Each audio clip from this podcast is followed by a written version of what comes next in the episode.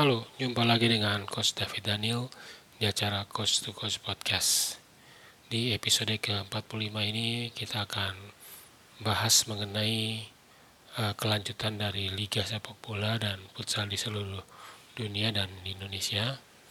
Nah, ini adalah pertanyaan besarnya adalah kapan liga itu akan dimulai kembali.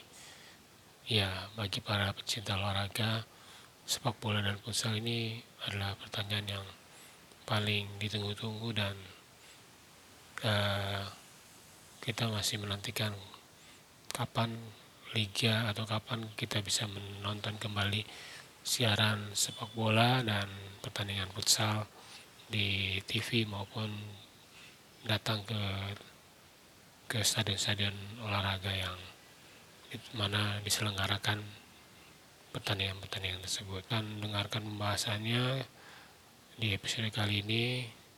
Selamat mendengarkan.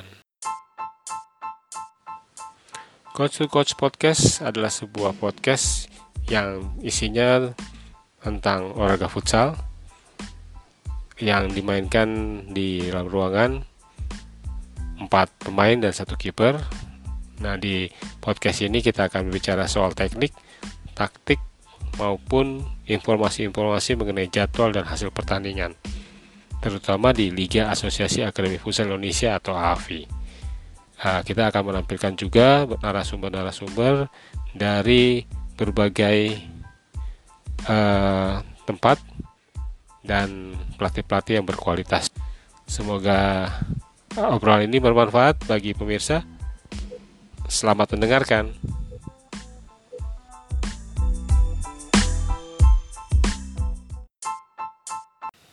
Di Liga Sepak Bola dan Futsal seluruhnya saat ini sudah menghentikan roda kompetisinya. Alasannya karena alasan kesehatan. Karena di kedua olahraga ini adalah olahraga yang paling digemari di seluruh dunia ya. Jumlah penonton yang hadir di stadion sepak bola itu rata-rata sampai ratusan ribu orang ya. Maka tidak heran kalau kompetisi itu dihentikan sementara karena dengan begitu kita dapat menghindari banyaknya orang berkerumpul dalam sebuah tempat dan memutuskan mata rantai penyebaran COVID-19. Kita akan bahas mulai dari benua Asia, Australia, Eropa, Amerika, dan Afrika. Nah, untuk di benua Asia, tentunya ini adalah yang pertama kali terdampak adalah negara Cina ya. Oleh karena itu, Liga Super Cina atau CSL, China Super League, semestinya digelar tanggal 22 Februari hingga 31 Oktober 2020. Akhirnya, Federasi Sepak Bola Cina atau CFA menyatakan liga ditunda. Begitu juga dengan Piala Super Tiongkok yang pada awalnya direncanakan digelar pada 5 Februari pun ditunda sampai kapan kita belum tahu sampai kapan liga itu akan bisa bergulir kembali. Lalu juga ada J-League ya atau Japan League mengambil langkah lebih radikal pada tanggal 19 Maret 2020 diputuskan J1 League musim ini tidak menerapkan degradasi sehingga pada J1 League 2021 akan ada 20 tim yang berada di divisi utama. Korean League atau K-League Liga Korea Selatan juga pada tanggal 24 Februari memutuskan bahwa K-League One 2020 itu dihentikan sementara hingga batas waktu yang ditentukan. Di Asia Tenggara ada Thai League, Vietnam League, dan Indonesia League atau Liga Super Indonesia itu juga mengalami penundaan bahkan di Vietnam meskipun sempat diadakan pertandingan tanpa penonton tapi kemudian uh, pertandingan selanjutnya ditunda sementara waktu.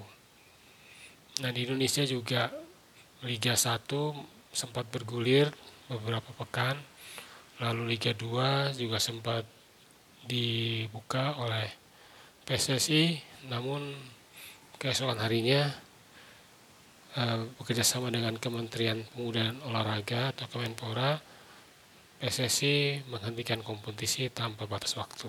Professional Futsal League 2020 pun harus dihentikan sementara, meskipun tinggal menyisakan dua pekan lagi ya, yaitu pekan ke-7 grup B dan Final Four.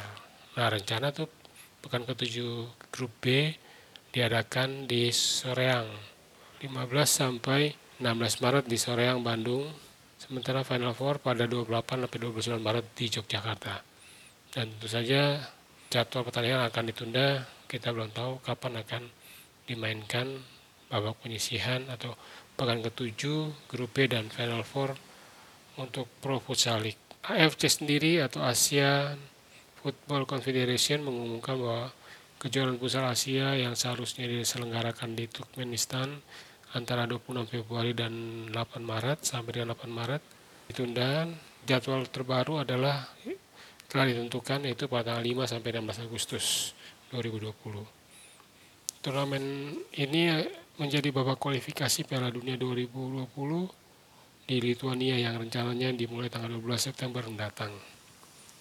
Official AFC juga telah bertemu dengan FIFA untuk membahas pertandingan kualifikasi Piala Dunia 2020 di Qatar dan otoritas sepak bola tertinggi dunia itu telah memutuskan duel tanggal 23 sampai 21 Maret 2020 dan 1 sampai 9 Juni 2020 ditunda hingga pemberitahuan berikutnya. Kualifikasi Piala Dunia 2022 yang melibatkan Indonesia juga akan diundur jadwalnya dari bulan Maret digeser ke Oktober sampai November. Sementara itu Liga Champion Asia juga terdampak. Uh, eh, AFC mengambil sikap menunda duel-duel babak grup pertandingan-pertandingan yang melibatkan tim-tim asal Tiongkok di jadwal ulang hingga April dan Mei 2020. Sementara babak 16 besar zona timur ditunda hingga 16 sampai 17 Juni. Sementara leg kedua dimainkan 23 sampai 24 Juni. Di benua Australia ada A-League yaitu kompetisi terbaru yang ditunda pada hari Senin 23 Maret 2020 Federasi Sepak Bola Australia atau FFA menghentikan A-League atau Liga Australia hingga setidaknya 22 April 2020. Nah, sekarang sudah tak lewat tanggal 22 berarti ada penambahan waktu lagi untuk penundaannya. Di Eropa, nah di Eropa ini efek corona juga cukup mengkhawatirkan ya tentunya sepertinya eh, terutama di Serie A Italia ya yang resmi ditunda mulai 9 Maret 2020 itu karena pemerintah Italia sendiri menyatakan semua event olahraga di negara tersebut dibekukan hingga 3 April 2020 diakibatkan karena jumlah kematian antara akibat COVID-19 yang demikian tinggi di Italia. Hingga saat ini datanya sudah mencapai ribuan orang yang uh, terdampak COVID dan meninggal. Kompetisi di Serie A Italia ini resmi ditunda baik sepak bola maupun futsalnya. Di La Liga Spanyol pun mengalami hal yang sama, ada penundaan kompetisi Primera dan Segunda Division selama dua pekan. Kemudian Federasi Sepak Bola Spanyol atau RFEF resmi menghentikan kompetisi hingga batas waktu yang tidak ditentukan. Premier League Inggris juga mengumumkan penundaan kompetisi pada tanggal 13 Maret 2020 itu setelah pelatih Arsenal Mikel Arteta dinyatakan positif COVID-19. Liga yang sampai pekan ke-29 dipimpin oleh Liverpool itu akhirnya mengalami penundaan dan mereka akan memperbarui keputusannya paling tidak sampai tanggal 30 April 2020. Ligue 1 Prancis juga menyatakan penundaan tandingan hingga 15 April dilakukan jauh dari keriuhan supporter di tribun stadion. Sementara itu di Belanda Eredivisie juga uh, resmi dibatalkan tanpa kepastian kapan akan berlangsung kembali. Bundesliga Jerman juga sama. Jadi hampir semua liga-liga Eropa juga mengalami penundaan ya terkait dengan adanya COVID-19 ini.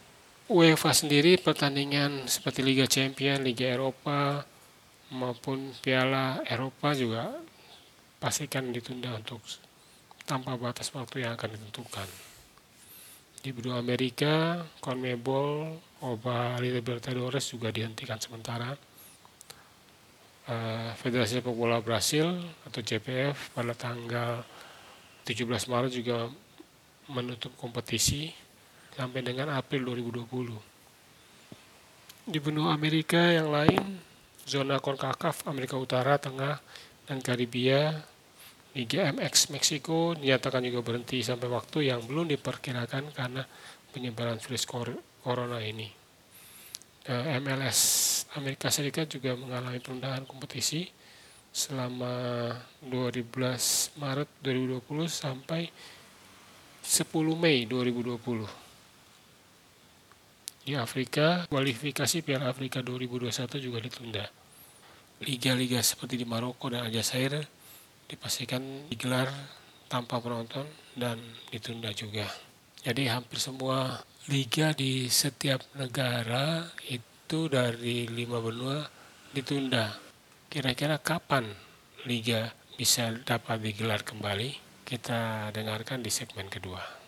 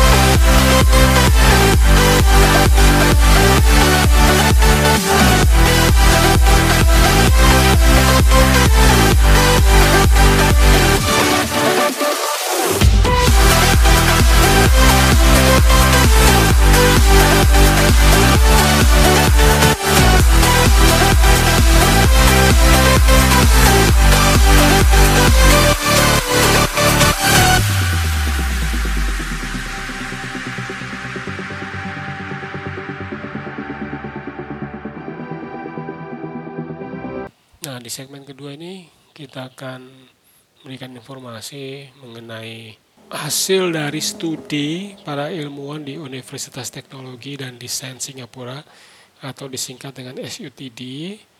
Mereka memprediksi bahwa wabah COVID-19 ini akan mengalami puncaknya di bulan Mei dan bakal berakhir di bulan Juni atau Juli nantinya.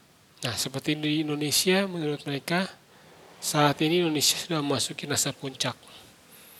Nah, diprediksi bahwa setelah melewati masa puncak, wabah COVID ini akan berangsur-angsur menurun. Prediksi ini dibuat oleh Laboratorium Inovasi Berbasis Data atau DDI SUTD dan ditampilkan di dalam situsnya bertajuk Kapankah COVID-19 akan berakhir yang bisa diakses oleh semua orang mereka tak hanya membuat perkiraan untuk Indonesia, ada 27 negara lain yang ikut diprediksi oleh akademi dari SUTD ini. Caranya adalah mereka membuat prediksi berdasarkan data yang telah diperbaharui, misalkan terakhir pada tanggal 26 April 2020. Metode yang digunakan adalah model SIR atau singkatan dari Susceptible Infected Recovery. Ya, jadi ada susceptible rentan, infected tertular, recover sembuh. Nah, diterapkan untuk memperkirakan kurva siklus hidup pandemi virus corona ini dan mereka menerapkan kode-kode dari Milan Batista yaitu ilmuwan dari Universitas Ljubljana Slovenia. Juga mereka memanfaatkan data dari situs Overworld in Data. Namun demikian, Laboratorium Inovasi Berbasis Data SUTD ini memperingatkan bahwa penelitian yang mereka tampilkan di situs itu hanya bertujuan untuk pendidikan dan riset saja. Dan bisa saja itu membuat kesalahan atau error. Diprediksi berdasarkan hasil hitung-hitungan mereka mengenai Indonesia, uh, virus corona akan berakhir pada bulan Juni, ya tepatnya tanggal 7 Juni itu sudah 97% berakhir. Di tanggal 24 Juni diperkirakan kurva 99% akan ditampilkan dan berangsur-angsur sembuh dan bahkan 100% virus ini bisa sembuh atau bisa berkurang sampai 100% tanggal 7 September 2020. Setiap hari mereka mendata sebagai dasar dari perhitungan untuk diperbaharui. Sehingga hasilnya juga bisa berubah. Misalkan di untuk Indonesia di tanggal 25 dan 26 April itu ada sedikit perbedaan. Pada tanggal 25 April tanggal tanggal wabah COVID-19 berakhir di kurva 97% ada pada tanggal 6 Juni 2020. Sedangkan data tanggal 26 April tanggal berakhir kurva mencapai 97% yaitu pada tanggal 7 Juni 2020. Jadi kalau ini bisa diprediksi pada bulan Juni Juli semua negara sudah bisa mencapai kurva yang 99% sehingga misalkan ini terjadi kemungkinan kompetisi akan dapat digelar kembali. Tentunya kompetisi akan digelar tahap penonton dahulu. Setelah itu di bulan September atau Oktober kita sudah bisa memulai kompetisi dengan adanya penonton. Segmen terakhir ini juga mengenai pertandingan-pertandingan sepak bola secara online. Top Eleven ini mempertemukan pelatih-pelatih yang ada di aplikasi untuk saling bertemu di kompetisi liga maupun antar negara atau antar klub internasional. Nah, semoga wabah pandemi COVID-19 ini cepat berlalu. Untuk itu disarankan tetap di rumah saja, jaga jarak jika harus keluar rumah, cuci tangan jika sudah keluar dari rumah, kemudian gunakan masker jika kita keluar rumah. Terima kasih telah mendengarkan. Salam futsal Indonesia. Halo pemirsa, mari kita saksikan pertandingan persahabatan antara Spirit melawan Spartan menggunakan aplikasi game Top 11. Pertandingan persahabatan ini mempertemukan tim asuhan Coach David Daniel dengan tim asuhan Adi Widiantoro. Spirit menggunakan formasi 4-3-1-2. Para pemain Spirit adalah Gusnul Mudana di posisi kiper asal Indonesia. Lalu di back kiri ada Hadi Nugraha. Back kanan pemain asal Belanda Remco Kranedo yang berusia 33 tahun. Dia adalah pemain paling senior di tim Spirit. Duet back tengah ada Pipin Bagus dan Muhammad Choi. Keduanya berasal dari Indonesia. Lalu di sektor gelandang Coach David Daniel mendapatkan Lori Diameso asal Kongo yang masih berusia 19 tahun di posisi gelandang kiri dan di gelandang kanan ada Samso Pauto dan sebagai playmaker adalah Crisando Jele asal Afrika Selatan. Di bagian depan ada duet striker Ricky Pakage dan Felix Gomez asal Trinidad Tobago sedangkan di belakang kedua striker ada Wahyu Kanafi sebagai uh, penyuplai bola untuk kedua striker. Kalau lihat di layar kaca, tim Spirit berada di sebelah kanan menggunakan jersey merah-merah-merah dan Spartan FC di sebelah kiri menggunakan jersey putih-putih-putih. Sementara pemain cadangan yang dibawa oleh tim Spirit antara lain Muhammad Wahyu, Nana Antolia dari Kamerun, Syahri, Syahrizal Bonai, Lee Quincy Sliger dari Suriname, Dennis Mahendra, Patrick Skapetis dari Australia, Davide Mailani dari Italia, dan Rahmat Kanat dari Indonesia.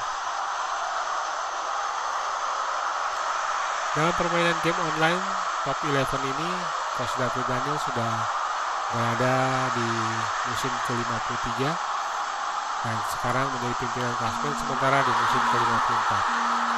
Prestasi yang telah diraih sudah pernah meraih empat juara liga, ya, kemudian satu juara liga super dan dua juara dunia untuk event antar negara. Nah untuk statistiknya Spirit telah bermain 1963 kali dengan statistik 1020 kali menang 322 kali seri dan 621 kali kalah. Nah, saat ini Spirit memimpin klasmen sementara di Liga level 43 dengan 18 poin. Hanya menang selisih gol lebih baik dari timnas Indonesia yang berada di peringkat kedua dengan poin yang sama yaitu poin 18. Jadi Spirit uh, plus 24, timnas Indonesia plus 19. Sementara di Liga Super Spirit berada di grup B yang bersama dengan pimpinan klasmen tim asal Thailand di peringkat pertama, peringkat kedua adalah Spirit, di peringkat tiga adalah ACF Winterhood dari Jerman yang dilatih oleh Dominic Beller serta di uh, urutan buncit terakhir adalah Liverpool yang diasuh oleh orang Dueni asal Indonesia. Di ajang Cup, Spirit sudah kalah di babak 32 besar, ya, kalah dua kali dengan skor yang cukup telak, kalah 2-4 dan kalah 0-4.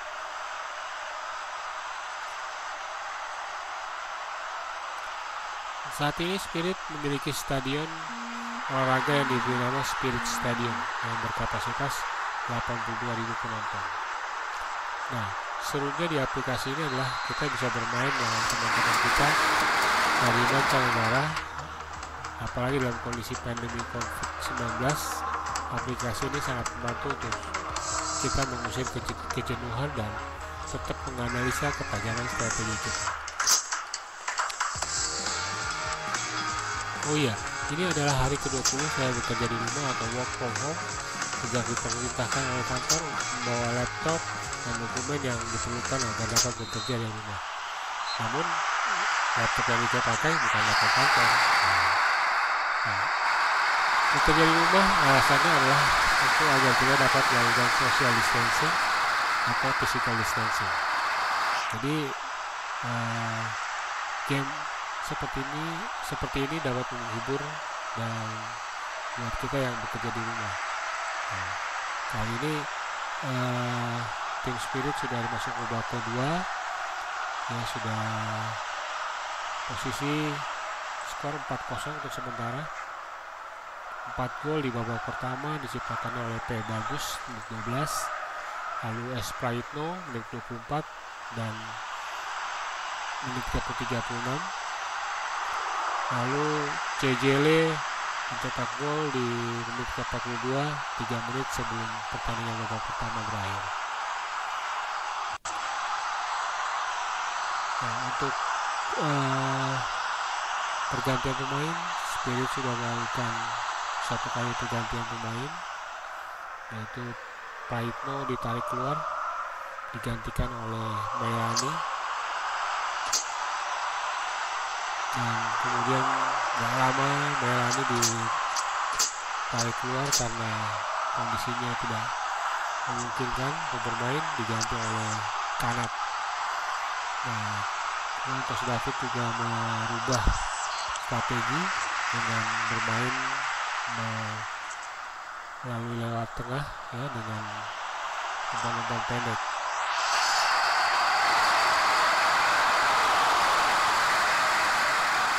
Nah, selain membuat stadion di aplikasi ini kita juga bisa membuat lapangan latihan, area parkir, membangun area parkir, kemudian membangun sarana kesehatan. Nah, jadi semuanya seperti kita membangun sebuah klub.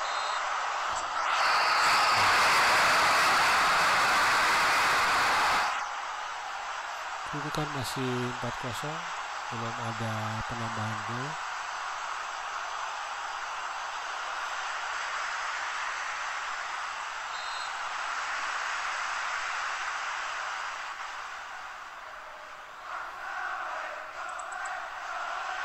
Oke bagus kena kartu kuning. Jadi sudah ada dua orang yang kena kartu kuning. Oke bagus ya itu dari Spartan. Kanedong dan Diameso mengalami kemunduran dalam hal stamina. Begitu juga dengan Felipe Gomez. Oh, Ricky Pakage mencetak gol kelima bagi Spirit lewat tendangan bebasnya. Nah, kali ini skor menjadi 5-0 pertandingan sudah memasuki menit ke-80 apakah tim Spirit berhasil mempertahankan skor sampai babak terakhir? Mari kita lihat saja. Wow hampir saja.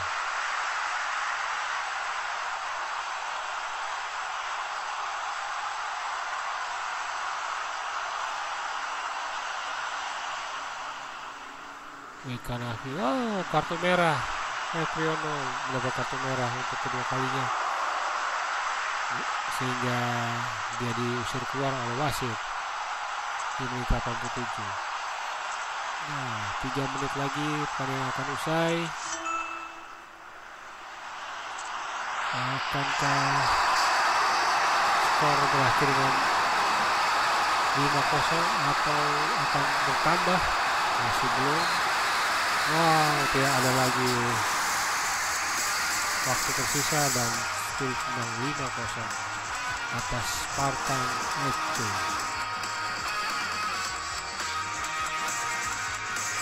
ya ini adalah hiburan bagi kita yang ada di rumah. Semoga apa yang kita tampilkan hari ini bisa menghibur para pemirsa. Terima kasih. Stay at home dan stay safe